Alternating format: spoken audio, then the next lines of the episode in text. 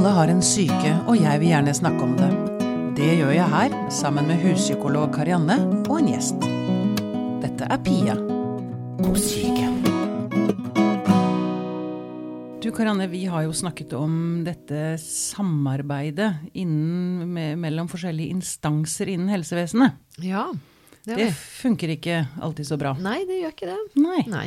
det burde det. Ja, det, man, man prøver jo å lage ordninger for å få det til å funke, men det, det er gjenstridig og krevende. Jepp. Mm. I dag skal vi snakke om en som har laget filmer som forsøker å åpne dialogen. Velkommen hit, Ellen Ugelstad. Takk skal du ha. Du, eh, 'Making Sense Together' og 'Møterommet'. Det er de to filmene. De, dine siste du har laget flere, men det er de siste, og det er kanskje de som handler mest om denne tematikken? Ja. Eller- ja.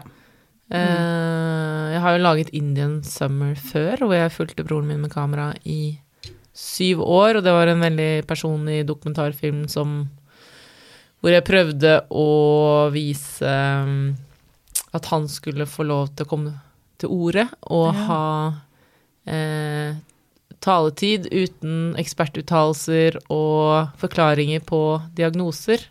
Men etter sånn ja, 20-25 år som pårørende, så ble jeg mer og mer opptatt av uh, hvilke roller vi får i møte med systemet, enten vi er brukere, ansatte eller Pårørende. pårørende, Mm. og um, ja, hva disse strukturene gjør med oss, da. Mm. Ja. Kan, vi, kan vi begynne, spole litt tilbake. Broren din, han eh, har levd med en schizofrenidiagnose i over 20 år. Mm. Mm. Kan du bare fortelle, bare for å få litt settingen her um, Kan du fortelle litt om hans historie? Og Mm. din historie som pårørende i um, å stå ved siden av Først, det må være krevende også å stå ved siden av. Mm, absolutt. Altså Når jeg var 19 år og han var 17, så fikk han sin første psykose. Mm. Eh, og før det så hadde jeg aldri hørt ordet psykose, egentlig. Enda mine foreldre jobber jo i helsevesenet. Eh, men som 19-åring så har du kanskje ikke Nå er det kanskje mer åpenhendt, men den gangen så hadde jeg faktisk aldri hørt om det. Mm. Um, og det kom i kjølvannet at min pappa hadde fått en kreftdiagnose. Broren min hadde opplevd mye mobbing gjennom ungdomsskolen og barneskolen. Um, han hadde hatt en drøm om at pappa var død, uh, selv om han enda ikke var det. Og våknet opp og trodde at det hadde skjedd. Uh, så det var mange på en måte uh, triggere da, for at han, den psykosen ble utløst. Mm. Um, så er det jo veldig Jeg og broren min har vært veldig nære, så det er jo veldig vondt å se en person du er glad i, som ikke har det bra. Mm. Uh, og eh, ja, nå vet jeg ikke om jeg svarte på alt du spurte om. Nei da, men men uh, om du ikke gjorde det, så kommer vi sikkert tilbake til det. ja. Nei, så det var uh, Og da ble han jo innlagt, og det var mitt første møte med en psykiatrisk avdeling. Mm. Um, jeg besøkte han hver dag. Mm. Eh, jeg så at han ble veldig medisinert og nedsløvet. Det er også vondt å se. Ja, og det å gå ut og lufte seg med personalet bak Det var veldig mye som var nytt. Det var liksom en helt ny verden. De, ja, Og litt skremmende, eller? absolutt. Um, det er jo en god stund siden nå, men Men ja, man var jo redd på vegne av den personen. Man skjønte ikke så mye. Fikk ikke alltid så mye informasjon. Nå var vi jo i en spesiell situasjon siden min far også var psykiater. Mm. Så mine foreldre hadde på en måte kunnskaper, men alle har jo ikke det. Ehm, så det er jo uh, Dette med informasjonsflyt, da, å gi informasjon til pårørende, er jo utrolig viktig i en sånn fase, for du har så mange spørsmål. Ja, Og så når du ikke får informasjon, så spekulerer du mye. Mm.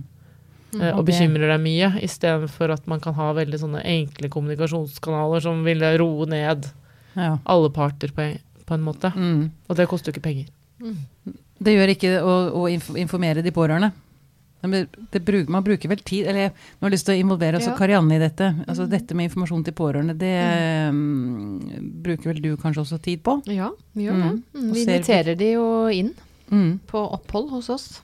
Ja. For å få informasjon om, om hvordan lidelsen er, og hvordan som den de er pårørende for, eh, er, da, som, Mm. sånn generelt. Hvordan dynamikken er, og hva er kjennetegnene, og hvorfor blir det sånn. Og, og så informerer vi jo om opplegget vi har. Mm. Hvorfor er behandlingen akkurat sånn, og elementer i det, og teoretisk forståelse.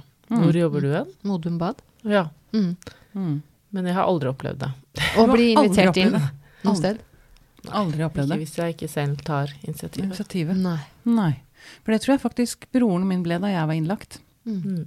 Jeg vet ikke om han tok initiativet, må jeg innrømme. Eller om de eh, inviterte ham inn. Dine filmer bygger da på eh, opplevelser i helsevesenet. Hva er det du har Du har nevnt det så vidt nå. Men hva tenker du er problemstillingen? Altså hva er det som skjer mellom disse instansene? Nei, altså noen ganger lurer jeg på om disse tjenestene egentlig er tilrettelagt for dårlig samhandling. Altså at de strukturene, Tilrettelagt for dårlig samhandling. Ja, det var for at, eh, eh, heftig. de strukturene tilrettelegger jo ikke for god samhandling mellom tjenestenivåene. Uh, og det er heller ikke klare sånne ansvarslinjer og kommunikasjonslinjer mellom alle de tjenestenivåene, fordi man kan komme på et ansvarsgruppemøte hvor det sitter tolv personer, så har man tre kvarter. Eh, det er veldig mye som skal inn i den agendaen, og så er det jo nå vet jeg ikke om dette endrer seg litt med pakkeløpet, for da skal det være en slags sånn koordinator mellom tjenestenivåene. Men, men sånn som det har vært til nå, så er det jo ingen egentlig ansvarlig for at kommunikasjonen blir fulgt opp, og det man på en måte kommer fram til blir gjennomført. Da. At Mm. tiltakene blir omsatt til handling. Mm.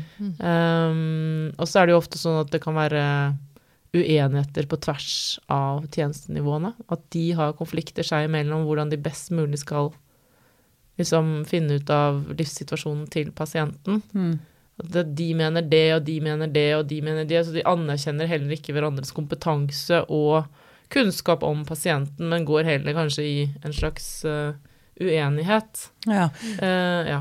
Hvem er de ulike um, aktørene i dette Eh, bildet? Nei, det kan jo være bydelen, DPS-en, eh, spesialisthelsetjenesten Altså hvis du har et ACT-team, eller om det er en eller annen ja, et eh, FACT-team altså Der sitter det jo representanter fra veldig mange forskjellige nivåer, førstelinjetjenesten og andrelinjetjenesten, og dette er jo begreper som jeg fortsatt har litt problemer med å forstå, men, Ja. men uh, jeg husker at jeg, en av de første, når broren min var på Vår Frue, og jeg hadde hatt bedt om møte med lege, at jeg tegnet opp et sånt tankekart for å skjønne liksom øh, Med Hvem broren min i midten, og så er det førstelinjetjenesten, andrelinjetjenesten, og hvem er under hver av de tjenestene og så videre. Men, Mm. men øh, ja, tilbake til dette med disse ansvarsgruppemøtene, så tenker jeg at øh, at øh, man trenger en slags sånn koordinator eller litt sånn produsent som man har i mitt yrke, som holder i alle tråder, som følger opp telefoner, som følger opp at alle skal møtes, som sender ut en agenda, som sørger for at alle er informert om hva møtet skal gå i,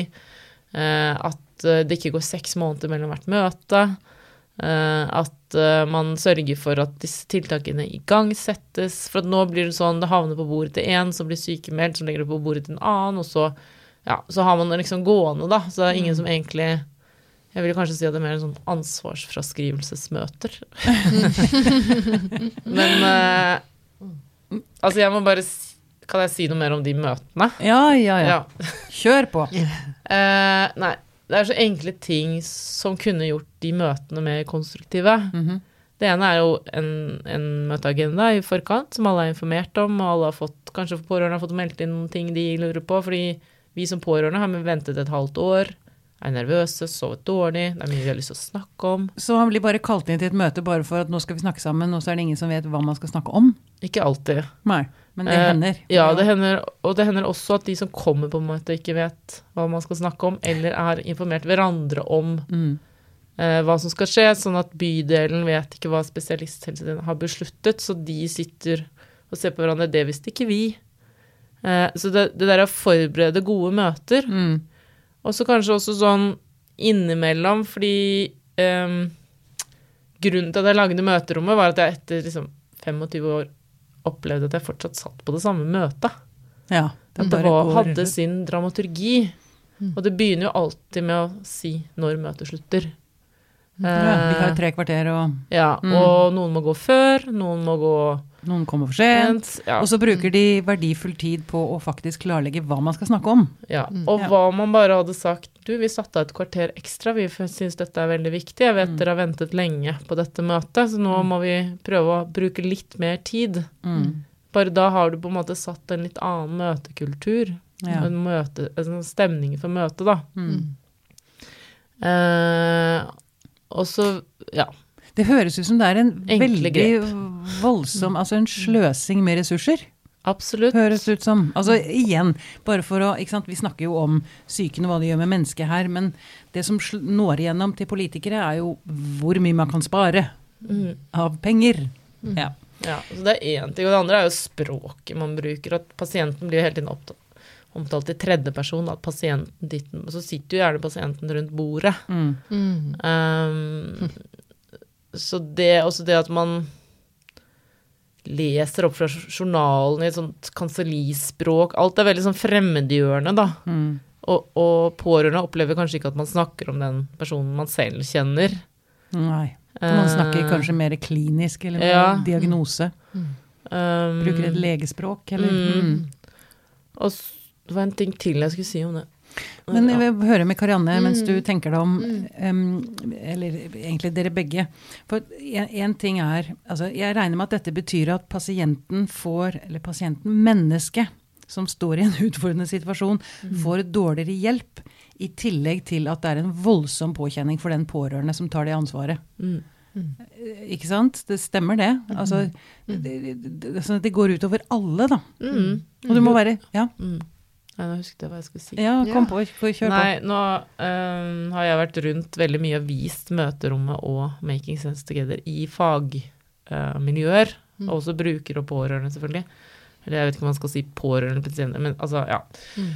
Men responsen fra fagperson For jeg husker første gang jeg skulle vise møterommet til fagpersonen, så grudde jeg meg litt. For jeg tenkte sånn, håper ikke de opplever at dette er et for stort angrep. For jeg vil, jo, jeg vil jo at det skal føre til dialog, ikke at man går i Mm. skyttergraven. Um, men jeg tror ikke det er et eneste sted jeg har vært hvor ikke fagpersoner kommer bort og sier 'jeg har vært på det møtet'. Mm. Ja. Ja, jeg, det var det- jeg satt og tenkte på når du snakka om det møtet. Så tenkte jeg «Åh, disse møtene har jeg vært på. ja, du kjente det igjen, Karianne? Du kjenner det igjen? Ja, ja, altså, men på, på, egentlig på veldig mange områder. Da. Jeg vet ikke Mm. om dere har sett den her eh, Allerud videregående skole, uten sammenligning virkelig for øvrig, men der har de en veldig god I en av de første episodene, har dere sett det? Nei, jeg har ikke Så er det på en skole, og så eh, kaller rektor inn til møte, og så, og så er det en som kommer for seint fordi at han må på do, og så får de endelig samla seg, og så er det en som sier jeg, jeg må gå før, og så er det en tredje som sier kan dere bare vente med å begynne, for jeg har faktisk kommet rett fra time, jeg har ikke rukket å gå på do, så jeg går på do. Altså, Ja. så bare tenkte jeg sånn, gang. nå kommer det aldri i gang. Så tenkte jeg sånn, så det er jo, sånne møter har jeg sittet på. Mm. Ja, ja, jeg tror de eksisterer både i Ja. helsevesenet og andre steder, altså. Mm. Ja. Mm. Men, men, det er jo, men, det, men, det, men det er jo spesielt eh, vondt, da. For at det, eh, i det øyeblikket det er noen i den, den midten i den møtet der som strever veldig, og det ikke bare er én person, men det er også en familie rundt. Som du sier, som har sittet og venta på dette møtet. Mm. Så er det selvfølgelig også et litt annet møte enn et vanlig møte som man har en gang i uka på en Ja, og personalet har jo disse møtene ganske ofte, Ja. eh, så det er jo mer rutine. Men for pårørende, i hvert fall hver gang vi skal ha et møte, så er det sånn moren min og jeg må ringes, vi må gå gjennom hva som er viktig. Vi bruker masse tid på å forberede oss. Mm. Har vi hørt noe? Ja, hva skal vi sende? Skal vi sende agenda? Jeg, vet, jeg har sendt meg agenda mange ganger, jeg. Dette vil jeg snakke om. mm. Fordi det kommer ikke noe. Uh, så vi Men går den gjennom, da? Den agendaen din, eller ja, dine ønsker? Uh, noen ganger gjør det det, og um, andre ganger ikke, men nå Ja. Men, uh, men vi Moren min sover kjempedårlig den natta før, og altså Mm. Ja. Mm. Mm. Um, Det er så mye som står på spill, og så er det bare de 45 minuttene. Mm. Mm. Og det er egentlig veldig lite tid. ja. Mm. Hvor ofte får man sånne møter, da? Nei, nå er det en litt annen situasjon for broren min, men når han var innlagt, jeg vet ikke, det var veldig sjeldent. Det er sånn hver sjette måned, liksom. Så det er ingen sånn. Altså, man må jo Altså, jeg, jeg i mitt yrke så må jo vi hele tiden levere noe i forhold til en fremdriftsplan. Mm. Eh, og jeg har spurt om det noen ganger, da. Finnes det en fremdriftsplan? Finnes det noen datoer vi kan forholde oss til? Men de finnes jo ikke. De er tåkelagt. Ja. Det høres da ut egentlig som om den pårørende egentlig er en koordinator som egentlig burde funnes i helsevesenet. Mm. Du må gjøre all jobben med å ja, prøve å samle trådene, da. Ja. Kanskje det skulle vært sånne bøter eller et eller annet, hvis man ikke fikk Ja. levert. Altså, sånn som det er i regnskapsverdenen. Hvis du ikke leverer regnskapet, så får du jo bot. Liksom. Ja, ja. Altså, Betaler du ikke skatten, så Nå, får du sånn straffeskatt. Altså, det somatiske helsevesenet har vel noe sånn Mens det psykiske helsevesenet, så, så kan ting liksom tralt Det kan gå lenge, det kan ligge hos bydelen, det kan havne litt her og der, Mm. og så ja. Mm. Mm. Um, Jeg leste i et intervju at du har vist den frem på, Stortinget, på, på Stortinget for helse- og omsorgskomiteen, mm, hvor dere snakket sammen etterpå. mm, Og da sier du at alle kjenner seg igjen. Mm. Altså både forskere, forbrukere, pårørende mm, osv. Det er jo Altså, det er jo altså Jeg liker så godt å høre deg si at du er ute etter å åpne en dialog. mm. Fordi skyttergraver fører ikke til noen ting. Altså krig Mm. funker ikke. Men dialog, Mm. det er så fantastisk. Kan du si noe mer om det? Har du, for jeg regner med Ja. at du har opplevd dette, du nevnte det så vidt i sted, men jeg har lyst til å utdype det Ja. litt. da. Jo, altså når jeg lagde filmen, så var en viktig sånn dramaturgisk motto var at jeg skulle skape gjenkjennelse. Mm. At man skulle kjenne seg igjen, mer enn at det er en sånn historie fra A til Å hvor Ja. Eh, og så ville validere noen stemmer som jeg ikke alltid opplever blir hørt uh, der ute. Eh, men jeg er fortsatt overrasket når jeg viser filmen hvor gjenkjennelig det er, uansett om Så det er fagfolk eller- mm. pasienter eller pårørende, da. Mm. Eh, og at det også skaper dialog, og helt sånn konkret så er det jo eh, flere sånn f.eks. mastergraden i helsearbeid på Høgskolen i Østfold har liksom kjøpt lisens til filmen og implementert den i emnene sine. Fantastisk. Eh, bedre pårørendesamarbeid i, i regi av Senter for medisinsk etikk har integrert den i sitt forskningsprosjekt som er støtta av Forskningsrådet. Mm. Eh, Jeg får jo veldig mange hender jeg var på Universitetet i Harstad nå for vernepleiere. Eh, Så det blir mye dialog. Altså, jeg har jo hatt 20-30 spesialvisninger med paneler og debatter og sånn, og den er heldigvis inviterende til dialog, da, at Mm. fagfolk føler seg ikke angrepet. Mm. Mm. Men det er sikkert noen som er kritiske og sånn, men det er greit. Men det er liksom ikke en Jeg har aldri ønsket å lage en sånn sort-hvitt Brennpunkt-dokumentar. Mm. Uh, selv om jeg Se så grusomt det er Selv om jeg egentlig er eh, sint. Ganske forbanna. Mm. Uh, men uh, ja, jeg hadde på en måte en intensjon om at det skal være en dialogfremmende film, da. Og Mm. Seprep har brukt den. Altså det er mange som Veldig mange fagfolk som tar den i bruk, fordi de opplever at det er veldig mye problemstillinger de står i i hverdagen. Mm. Uh, ja. Mm. Men så- Og så tenker jeg den, den biten du sier om gjenkjennelse, for jeg tenker sånn Det må jeg liksom ærlig innrømme at når um, Ikke sant, når pårørende kommer til oss, da, på pårørendeopphold, så i den, i den konteksten der så er jeg en behandler. Og sånn sett så er det et litt sånn asymmetrisk forhold mellom meg og, og pårørende.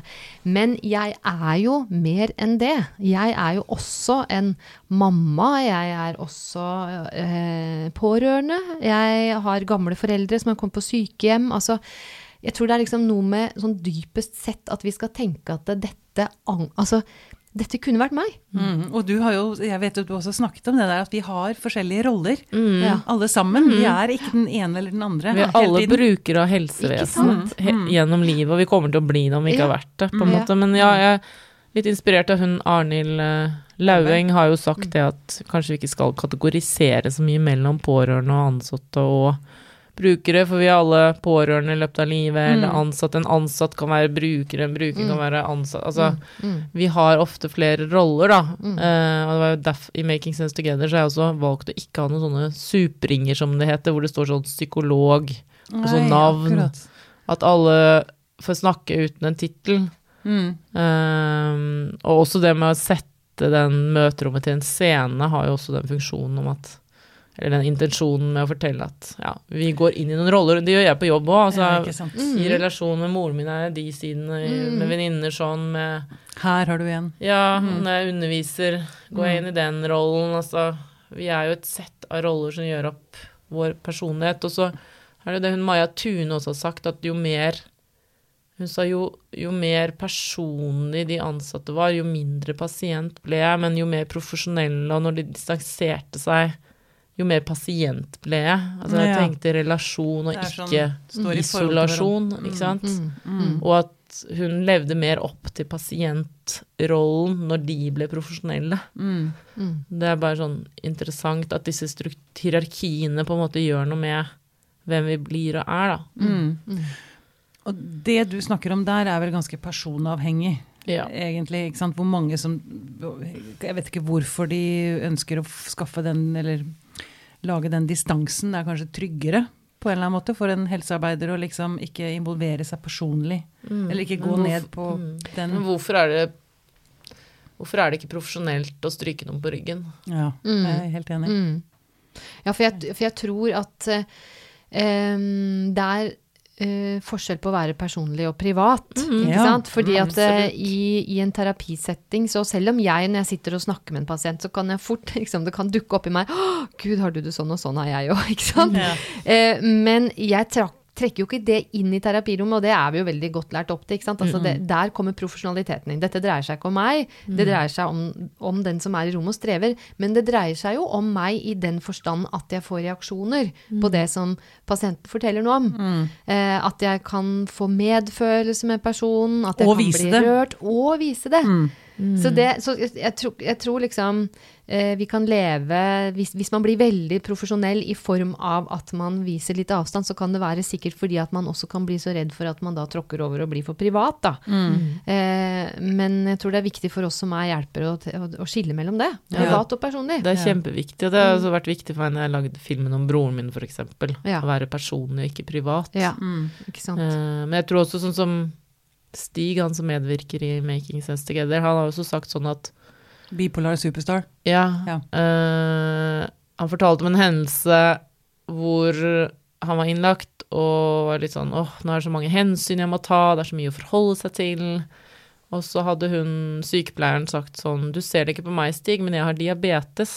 Mm. Uh, så jeg har også en del ting jeg må tenke på å forholde seg til, og det ser man ikke på meg, og det hadde vært sånn perspektivendring for han, eller jeg synes det var så Ja. godt å høre. Mm. At han ikke var Altså, andre har sine ting, og at det liksom hjalp til å høre. Det er jo en personlig ting å fortelle, Mm. men det er jo en av de tingene han husker best fra når han var innlagt. Mm. Den relasjonen de hadde, og det at hun fortalte det. Ja. Men for dette burde kanskje inngå i holdt på å si, utdanningen av helsepersonell. At, altså akkurat den der forskjellen på privat og personlig. Mm. Og at det er ikke farlig å stryke noen på ryggen. Mm. Ikke sant? Men så lurer jeg også på om en helsearbeider blir mer sliten av å være personlig. At man tar den andre mer innover seg. Kan det også være noe som oppstår, tenker dere?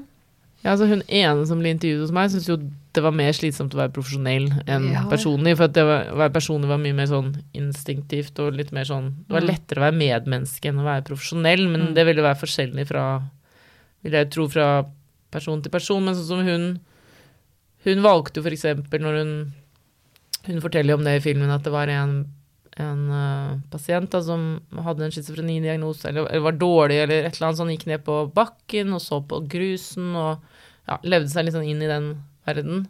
Og det gjorde hun sammen med han, Ja. Uh, istedenfor å liksom realitetsorientere, som, uh, Grus er ikke som i hvert fall skaper avstand. Uh, da føler du i hvert fall enda mer teit, liksom. Ja. Men uh, hun gikk ned, og det, det fortalte vel han Andreas også, at han var en som opplevde at det var rotter i rørene eller et eller annet, så gikk han liksom og slo etter dem.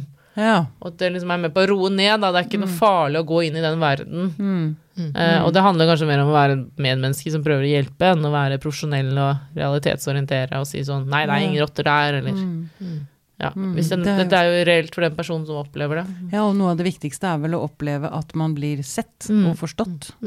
Det er jo mye tilfriskning i det. Ja, og jeg tror, altså det er jo sånn at de nyere terapiretningene, sånn som vi lærer på psykologskolen og sånn da, eh, rundt om forbi, har jo tatt inn over seg det, at Mm. vi ikke lenger er en sånn eh, sånn skjerm, som det Mm. ble kalt før. En sånn projeksjonsskjerm som de bare skal liksom få lov til å legge ting ut på, så skal vi sitte der og ikke vise noen ting. Men som Mm. nettopp har tatt inn det at nettopp at vi er i det rommet Mm. med våre følelser og våre reaksjoner, kan være helen i seg sjøl. Fordi det er viktige signaler i oss som gjør at jeg, dette vekkes i meg nå. Og så må jeg være trygg på I den grad det blir slitsomt, så tror jeg at det ikke har noe med om man er person eller privat, men jeg tror det er hvor, hvor avklart er jeg i meg sjøl på at ok, jeg kjenner det på denne måten, og det som Eh, det som er der, tilhører meg, og det som jeg kjenner ut, utenfra fra pasienten, er pasientens. Ja. Altså jeg tror, jeg tror vi som terapeuter må eh, klare å skille mellom det, da. Mm. Hva er mitt, og hva er den andres? Men det er ikke det at vi blir berørt eller beveget eller får følelser. Det tror jeg ikke Jeg tror ikke det er det som er eh, det mest slitsomme. Nei, og jeg, altså jeg husker jo det fra da jeg var innlagt, at eh, det var en som skremte vann av meg, og han sto i hvit frakk og snakket ned til meg. Han som redda meg, var en ung fyr, sannsynligvis en praktikant, eller hva det heter i den verden, med grønn genser, det husker jeg så godt, som satte seg på huk ved siden av meg og sa Pia, tar du denne pillen, så får du det mye bedre. Og da var det helt Da var jeg helt uten motstand. Det var sånn Han var på mitt parti. Hjalp veldig. Når det gjelder disse møte, dette møterommet som du beskriver, og du var redd for at helsearbeidere skulle føle seg, bli sinte eller føle seg kritisert. Det du beskriver, er ikke det mer på systemnivå, egentlig? Det er jo, det er jo ikke helsearbeiderne som gjør noe feil, eller disse i de Nei. ulike instansene, egentlig. Nei, jeg prøvde å legge meg på dette med strukturer, og også dette med at de blir liksom intervjuet på bakrommet i filmen, hvor de du, du ser at de er styrt av sine Altså hun har sine overordnede som hun må levere til, hun psykologen. At man på en måte Alle har sine beveggrunner eh, på en eller annen måte, da, som jeg ønsket å få fram for å også vise hvor komplekst det er eh, inni disse strukturene, da. Mm. Og det har jeg skjønt mye når jeg var hatt sånne, hatt sånne fagdager òg med Jeg var i Nordfjordeid hvor jeg hadde seks timer med alle kommunene og, og så videre og. Og når de begynner å snakke om disse intranettene og disse kommunikasjons og alt som bare Og jeg bare tenker sånn Herregud, det er helt Det er så mye som kan uh, gå galt også på innsiden der, da, fordi Ja. ting er organisert så Mm. ikke alltid til det beste og enkleste for de som prøver å gjøre en god jobb òg. Altså, jeg tror det er veldig mange som vil gjøre en god jobb og har, har lyst til å hjelpe og lyst til å gi omsorg, men at ikke systemet helt tilrettelegger for det heller. Mm. Nei, for det er jo Eh. sånn at eh, systemet er jo eh, De private styringsprinsippene er jo tatt inn i Mm. eh, helsetilbudet. Mm. Eh, og det betyr at det er produksjonskrav. Mm. Og det er jo så, så veldig mange av de som kommer inn på disse møtene, kommer deisende inn fra et annet møte. Eh, eller fra en annen pasient, eller det står ti stykker til på døra og banker. Ikke sant? Og så, det blir, så det blir litt sånn det blir, det blir bare noe man må gjøre, oppå alt det andre man må gjøre. Og så Ja. får man ikke et sånt refleksjonsrom, da. Mm. Eh, i, I den grad man skal prøve å forstå det litt sånn systemisk, hva som skjer, da. Ja. Og så Ja, og så det må, sånn. må man ofte ta økonomiske hensyn Ja. framfor individ. Altså, hva er det som er best for pasienten? Det har mange fagfolk sagt til meg. At denne At den eh, Var det ikke på 2012, da da Bjarne Håkon Hansen var i på besøkte Toyota-fabrikken, implementerte den uh, Samlebånd eh, inn i helsevesenet, så har vi Ja. fått et helsevesen som er litt sånn foretaksmodell, som Mm. mange reagerer veldig sterkt på, men som er De er under, da, på en måte. Um, og det er jo som han sier også, han er Fjonny Mandelid, at du får mer penger for å utrede enn å behandle. ja, Så du kan drive og utrede og utrede, for det gir bedre økonomisk. Mm. Istedenfor å bruke tid på behandling, da. Mm. Mm. Så lurer jeg også på innimellom at man, man oppretter sånne fancy systemer for å strømlinjeforme, men så blir systemene så kompliserte at det bare, bare ødelegger mer enn det hjelper, egentlig. Ja, jeg vet Mm. ikke. Men én en ting em, til. Det er veldig mange forskjellige relasjoner som den syke må forholde seg til. Altså fragmenterte relasjoner. Det er vel heller ikke veldig oppbyggelig. Det, for relasjon, dette vet jeg vi har snakket om i mange andre episoder. Altså, relasjon er noe av det viktigste for å få det bedre.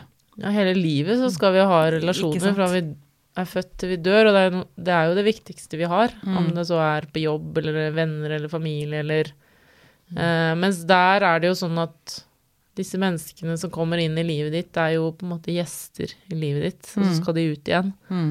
Um, og det er lite kontinuitet, og folk skal videre til en ny jobb, og de skal videre på karrierestigen, de blir sykemeldt, og ja, jeg syns at uh, Bare tenk om de hadde sagt når broren min første gang ble syk, at liksom OK, uh, nå skal du få noen personer rundt deg som skal være, følge deg i tre til fem år. For det trenger du. Du Mm. trenger disse personene i livet. Mm. Uh, men men det blir jo brutte relasjoner hele tiden, da. Og så er det jo en Ja, en uh, forsert relasjon i start uansett, for du skal få hjelp til noe, eller du skal, noen skal Ikke sant. Og så når du endelig begynner å knytte deg til denne personen, så så varer det ikke så lenge, ikke sant. Mm. Og det er jo Alle vet jo hvordan brudd er, enten om det er kjæreste eller venner eller familie eller hva det er. Det er jo ikke noe helsefremmende alltid. Eh, så det at det er så mye av det eh, tenker, altså, Da blir man jo verre, tenker jeg. Mm. Ja. Mm. Helt enig. Mens eh, et, et godt Altså Broren til kjæresten min, han hadde en miljøarbeider som fulgte han i syv år. Oi. Mm. Ikke Ja. sant? Og da Ja. Men det, det er så innlysende at Det eh, finnes ikke, tror Nei, jeg. ikke sant. Og så jeg så du la ut et innlegg på Facebook her for noen dager eller uker siden, Mm. eh, hvor du har sett på Fra bølle til bestevenn. Denne serien om uh, vanskelige hunder, Ja. og hvordan hun jobbet. Og da skrev du Det var jo så nydelig. Det var jo så nydelig analogi. Eller For du skrev at Hvorfor gjør man ikke sånn i psykiatrien? Fordi her involverer man hele familien for å gjøre denne hunden Mm. bedre, da. ja.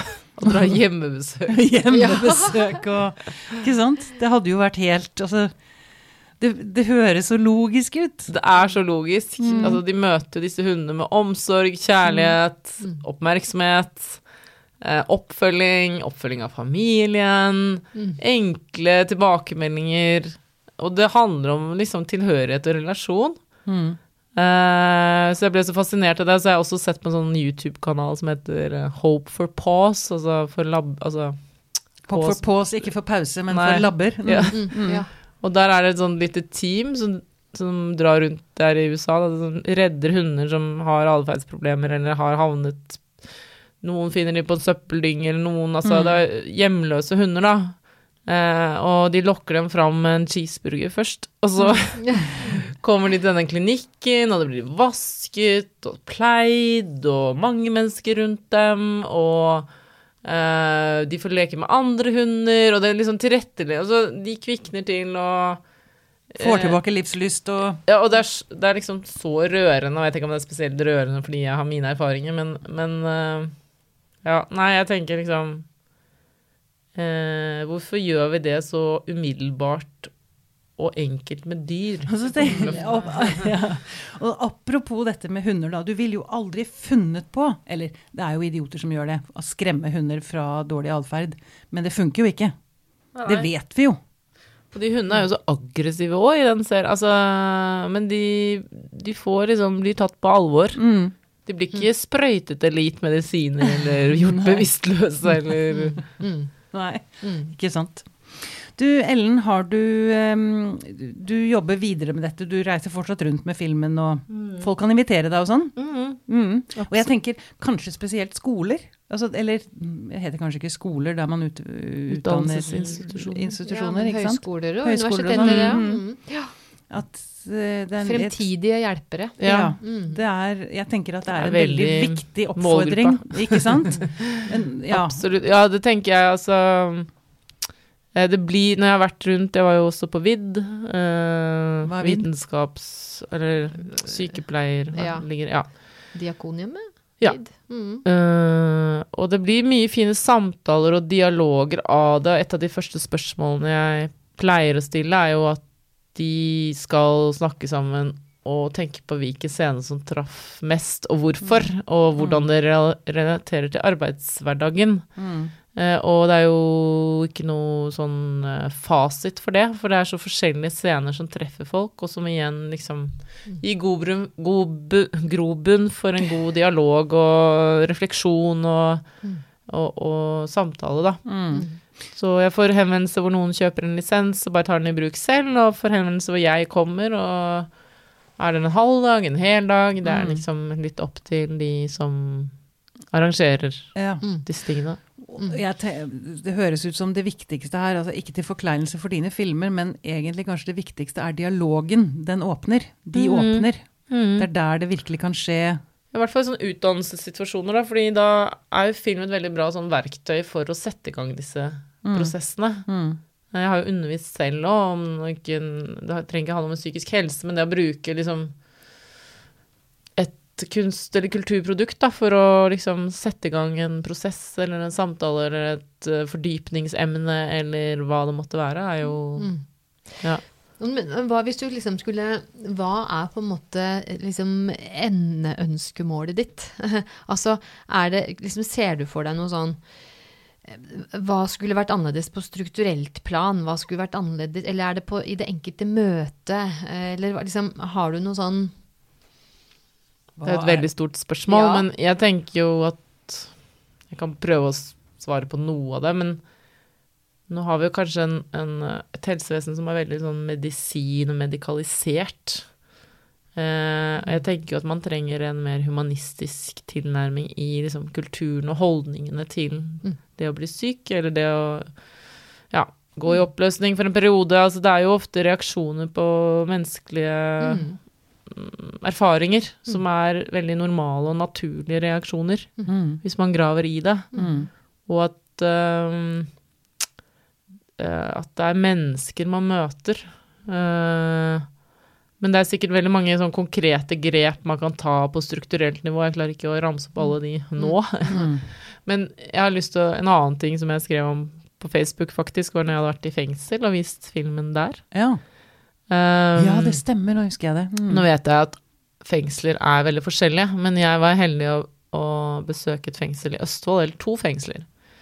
Uh, og det ene fengselet Jeg gikk, fikk en sånn omvisning før jeg skulle vise filmen. Uh, og der var det liksom fire forskjellige verksteder. Metall, sykkel, kreative ting etc. Det var skole, det var uh, kokkeopplæring, matlaging. Det var drivhus, det var gangsteryoga, det var eh, treningsrom eller hall, eh, bibliotek. Altså, det var ikke måte på hvor mye aktiviteter man kunne være med på. Mm. Det var litt som å være på en folkehøyskole hvor alle er en del av tannhjulet. Ja. Eh, så jeg gikk rundt og var veldig sånn sjokkert, og han fengselsbetjenten sa til meg du virker veldig sjokker- sjokkert. Og jeg bare sånn ja, jeg har faktisk aldri opplevd eh, dette i psykiatrien.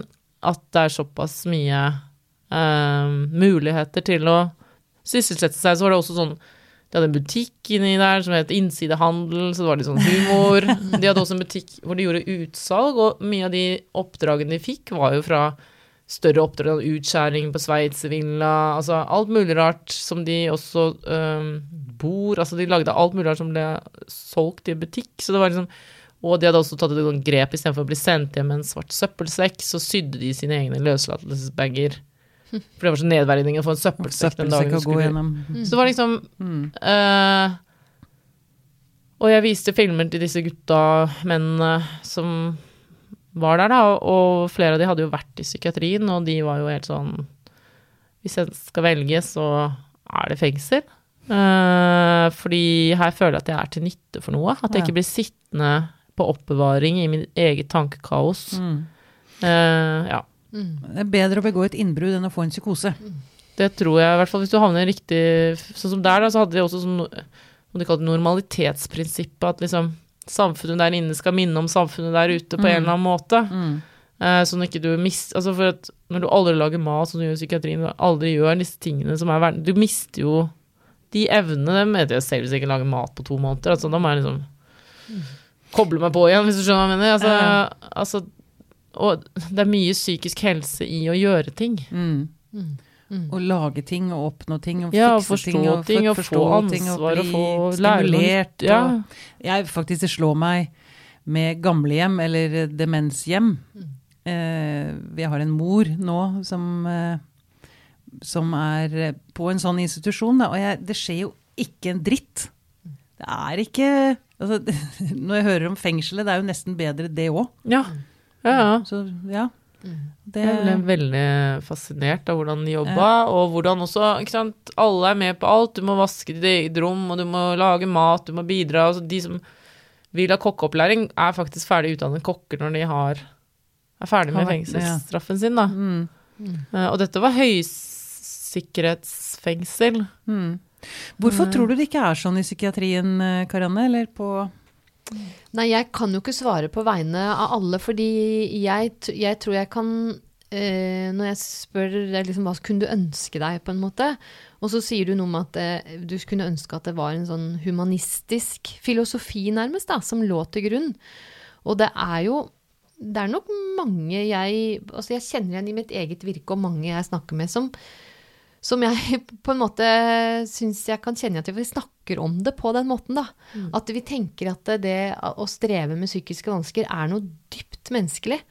Og i neste nu kan det være meg. ja. Enten som har Enten som får en lidelse, en diagnose, hva nå enn det måtte bety, ikke sant, eh, i den perioden jeg får det, eller være pårørende til enten noen som strever rundt deg, eller Altså at du ehm, det er et asymmetrisk forhold fordi jeg er der som en autoritet i rommet fordi jeg skal hjelpe vedkommende, men, men det er et eller annet med at jeg også til enhver tid skal tenke at det du sitter med, kunne godt vært meg. Det er ikke noe forskjell på det. Nei. Det er jo noen som litt sånn tøysete har sagt at eh, terapi er møte med to personer hvor den ene forhåpentligvis er litt mer forstyrra enn den andre.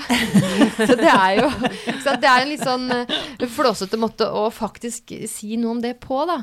Så jeg ehm, Men så også tror jeg at eh, ikke sant, Før så hadde man jo eh, Da var jo psykiatrien annerledes. Da var det nok mer det her at man hadde arbeidsstuer, at man eh, sånn som ga- i- var jo et sånt lite Ja. samfunn hvor de Ja. hadde Ja, det liksom kiosk og eh, sånn, ja. bakeriverksted, Mm. de lagde mat, de hadde syverksted, de var ut, det var jo stor gårdsdrift. Ja. Mm. Man kunne jobbe litt sånn etter dagsformen. Mm.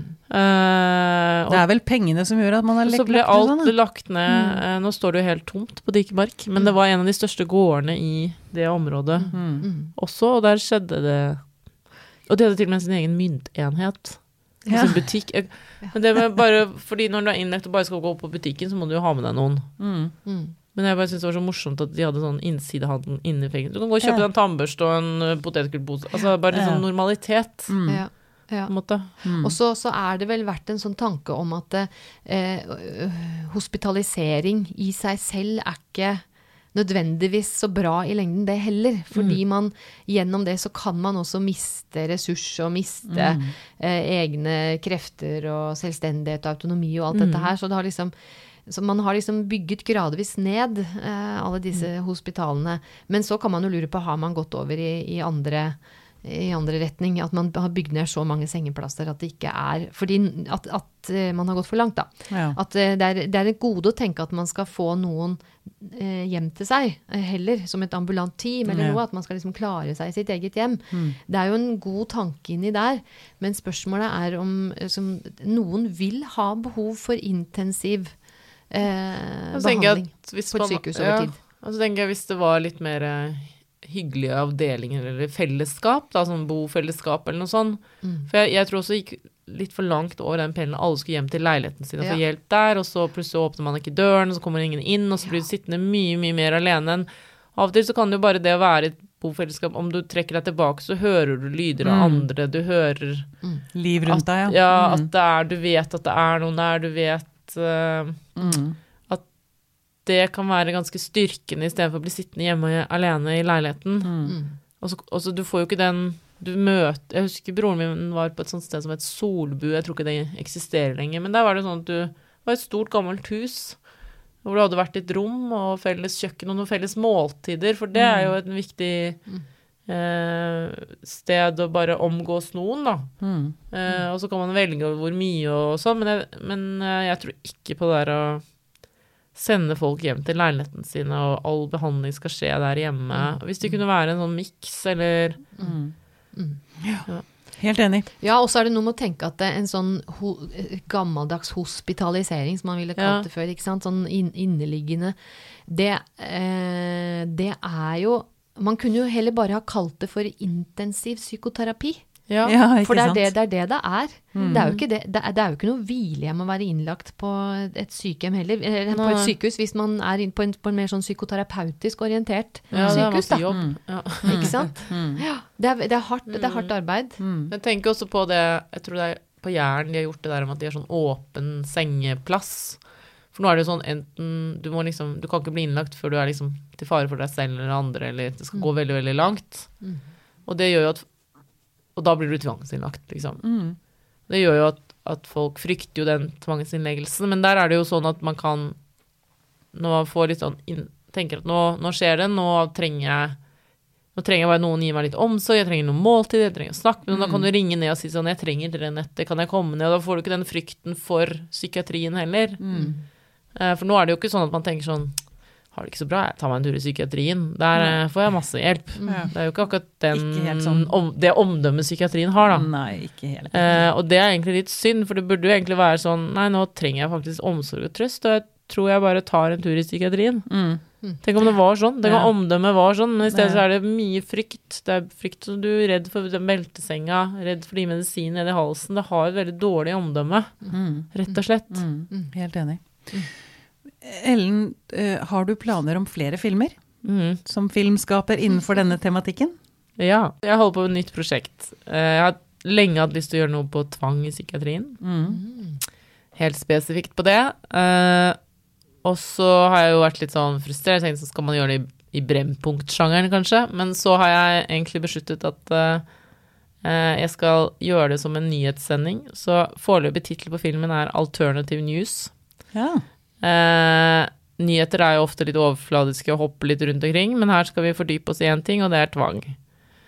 Med Så- flere reportasjer og nyhetsoppleser og nyhetsanker, liksom. Og, og kanskje følge tre saker. mm. eh, for å få frem kompleksiteten i tvang. Og så er det jo også sånn nå at Sivilombudsmannen har gitt medhold i et par saker hvor tvangsmedisinering var gjennomført, og han mener at det er brudd på loven. Mm. Det betyr jo egentlig at veldig mange har opplevd at det er feil lovtolkning ved bruk av tvangsmedisinering. Mm.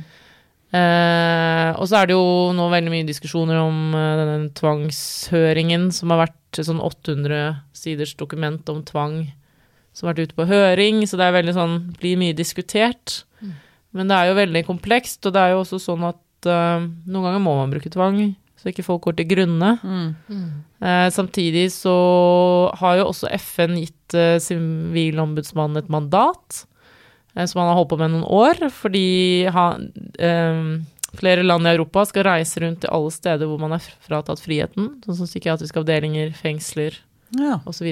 Kartlegge om praksis der eh, speiler menneskerettighetene. Mm.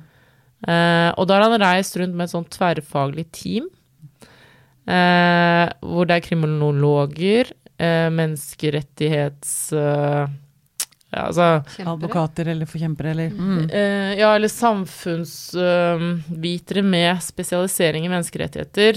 Eh, eh, advokater, han selv. Altså det er et sånt team med et tverrfaglig team hvor det er ingen leger eller psykiatere eller noen innenfor helsevesenet, men Ja. alle andre type ja, så de har reist rundt, og han skriver rapporter. De burde egentlig fått veldig mye mer oppmerksomhet, men jeg ser jo at det stadig kommer noe i media. Men, men han har funnet balltre, han har funnet spyttemaske Altså finner mye rart. Han reiser landet rundt, har besøkt 25 um, Institusjoner. ja, Mm. uh, og avdelinger, og de får tilgang på alt. Mm. Journaler, alle rom.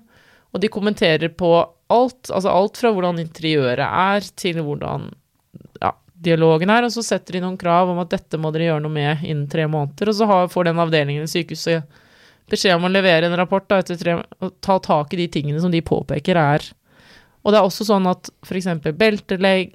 belterom og isolasjonsrom er gjerne ved siden av hverandre.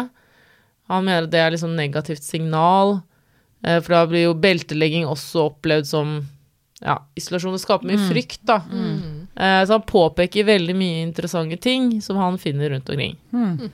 Uh, og de kan komme uanmeldt hvis de vil. Ja. Eller de kan si ifra og Ja. Og de kan også de, skal, de kan snakke med alle pasientene uten at personalet er til stede. De kan snakke med personalet. Uh, de har liksom full tilgang på alt da, for yeah. å gjøre Og dette er et mandat som kommer fra FN, da. ja. Det er litt sånn som eller hva det heter for noe. ja, nå Så er, tilleggsprotokoll fra bla, bla, bla. ja, nå er jeg sikkert litt lettvint, men det er litt sånn som de som reiser rundt og deler ut Michelin-stjerner. Ja, ikke sant? Det burde vært litt sånn. Det burde vært litt sånn. I min nyhetssending så har jeg jo tenkt å ha et sånn kart over Norge som viser hvor det er stor bruk av tvang, hvor det er lite bruk av tvang, og hvem Mm. som er verstinger og best. Fordi tvangsprotokollene til VG viste jo at det var veldig forskjellig kultur og Mm. praksis. Mm. Og at det ikke er noen konsensus. Og sånn, ja, hvis, hvis man skal behandle di diabetes, er alle enige om hvordan det skal behandles. Mm. Men skal man be bruke tvang, så er, er man ikke enig. Nei. Um, Mm. Nettopp. Så når kommer denne? Nei, den er i utvikling, så Ja. det tar vel uh, Par års tid. Ja. Mm. Ja. Gjør gjerne det. Det er, det er litt mer tidkrevende å lage film enn en podkast, for å si Mm. det sånn. Men um, denne filmen 'Møterommet ditt', den møterommet, Mm. uh, den ligger ute på nett, så den kan alle se. Den ligger på Aftenposten. Mm. Den ligger på Aftenposten, så den vil jeg anbefale å se.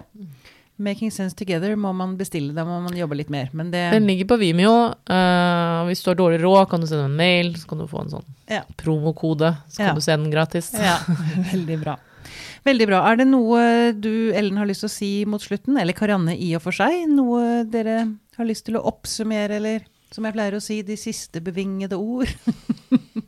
Ja, hvem tør da å Ja, ikke sant? Jeg, legger, jeg liker å legge lista Ja. høyt. Uh, ja, så tenk på det forholdet mellom makt og avmakt, at det er den asymmetrien som du Mm. snakket om, at det er så mange små situasjoner. Jeg hørte på henne som het Dorte Gryti en gang, jeg vet ikke om jeg kjenner henne, hun har Nei. vært innlagt. Hun sa liksom det er så mye sånn, eksempel husregler. Mm. Du skal ikke gjøre sånn, du skal ikke gjøre sånn, du kan ikke ta med favoritthåndkle hjemmefra, du kan ikke spise middag da og da. Altså alle disse tingene som hver for seg ikke er så ille, men sammenlagt er Hvis du føler deg verdiløs, så føler du deg enda mer usynlig og verdiløst Mm. av disse litt sånn rare husreglene som kanskje bare har blitt sittende igjen. Mm. Men så er det også det med makt, og en, en psykolog som skrev at eh, forskning viser at jo mer makt du får, jo mindre empatisk blir du, jo vanskeligere er det å sette seg inn i den andres ståsted. Ja. Eh, at du blir mindre empatisk, faktisk, fordi eh, du får også mindre tilbakemeldinger, ærlige tilbakemeldinger, når du har en maktposisjon. ja. Um, og at man må bare huske på det er litt sånn det blir når noen har makt. Um, og så er det også sånn usynlig makt, som hvis du ikke tar medisinen nå, så får du det med sprøyte. Mm.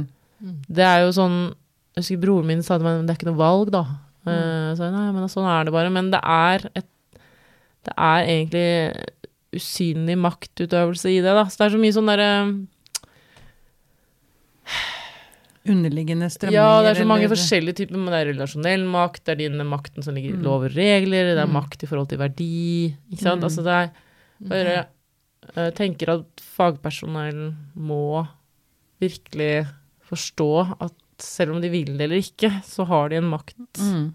Å være seg den bevisst. Å være seg den bevisst, og kommunisere den også. Mm. Um, ja. Og så tenker jeg det er viktig også for uh, både de som er innlagt og pårørende, at de er klar over denne makten. At ikke, Mm. altså, det, det er kanskje lettere å forholde seg til det når man ser at det skjer. Mm. Jeg vet ikke. Mm. Da uh, skal vi takke av filmskaper Ellen Ugelstad. Tusen takk for at du kom til oss. Takk.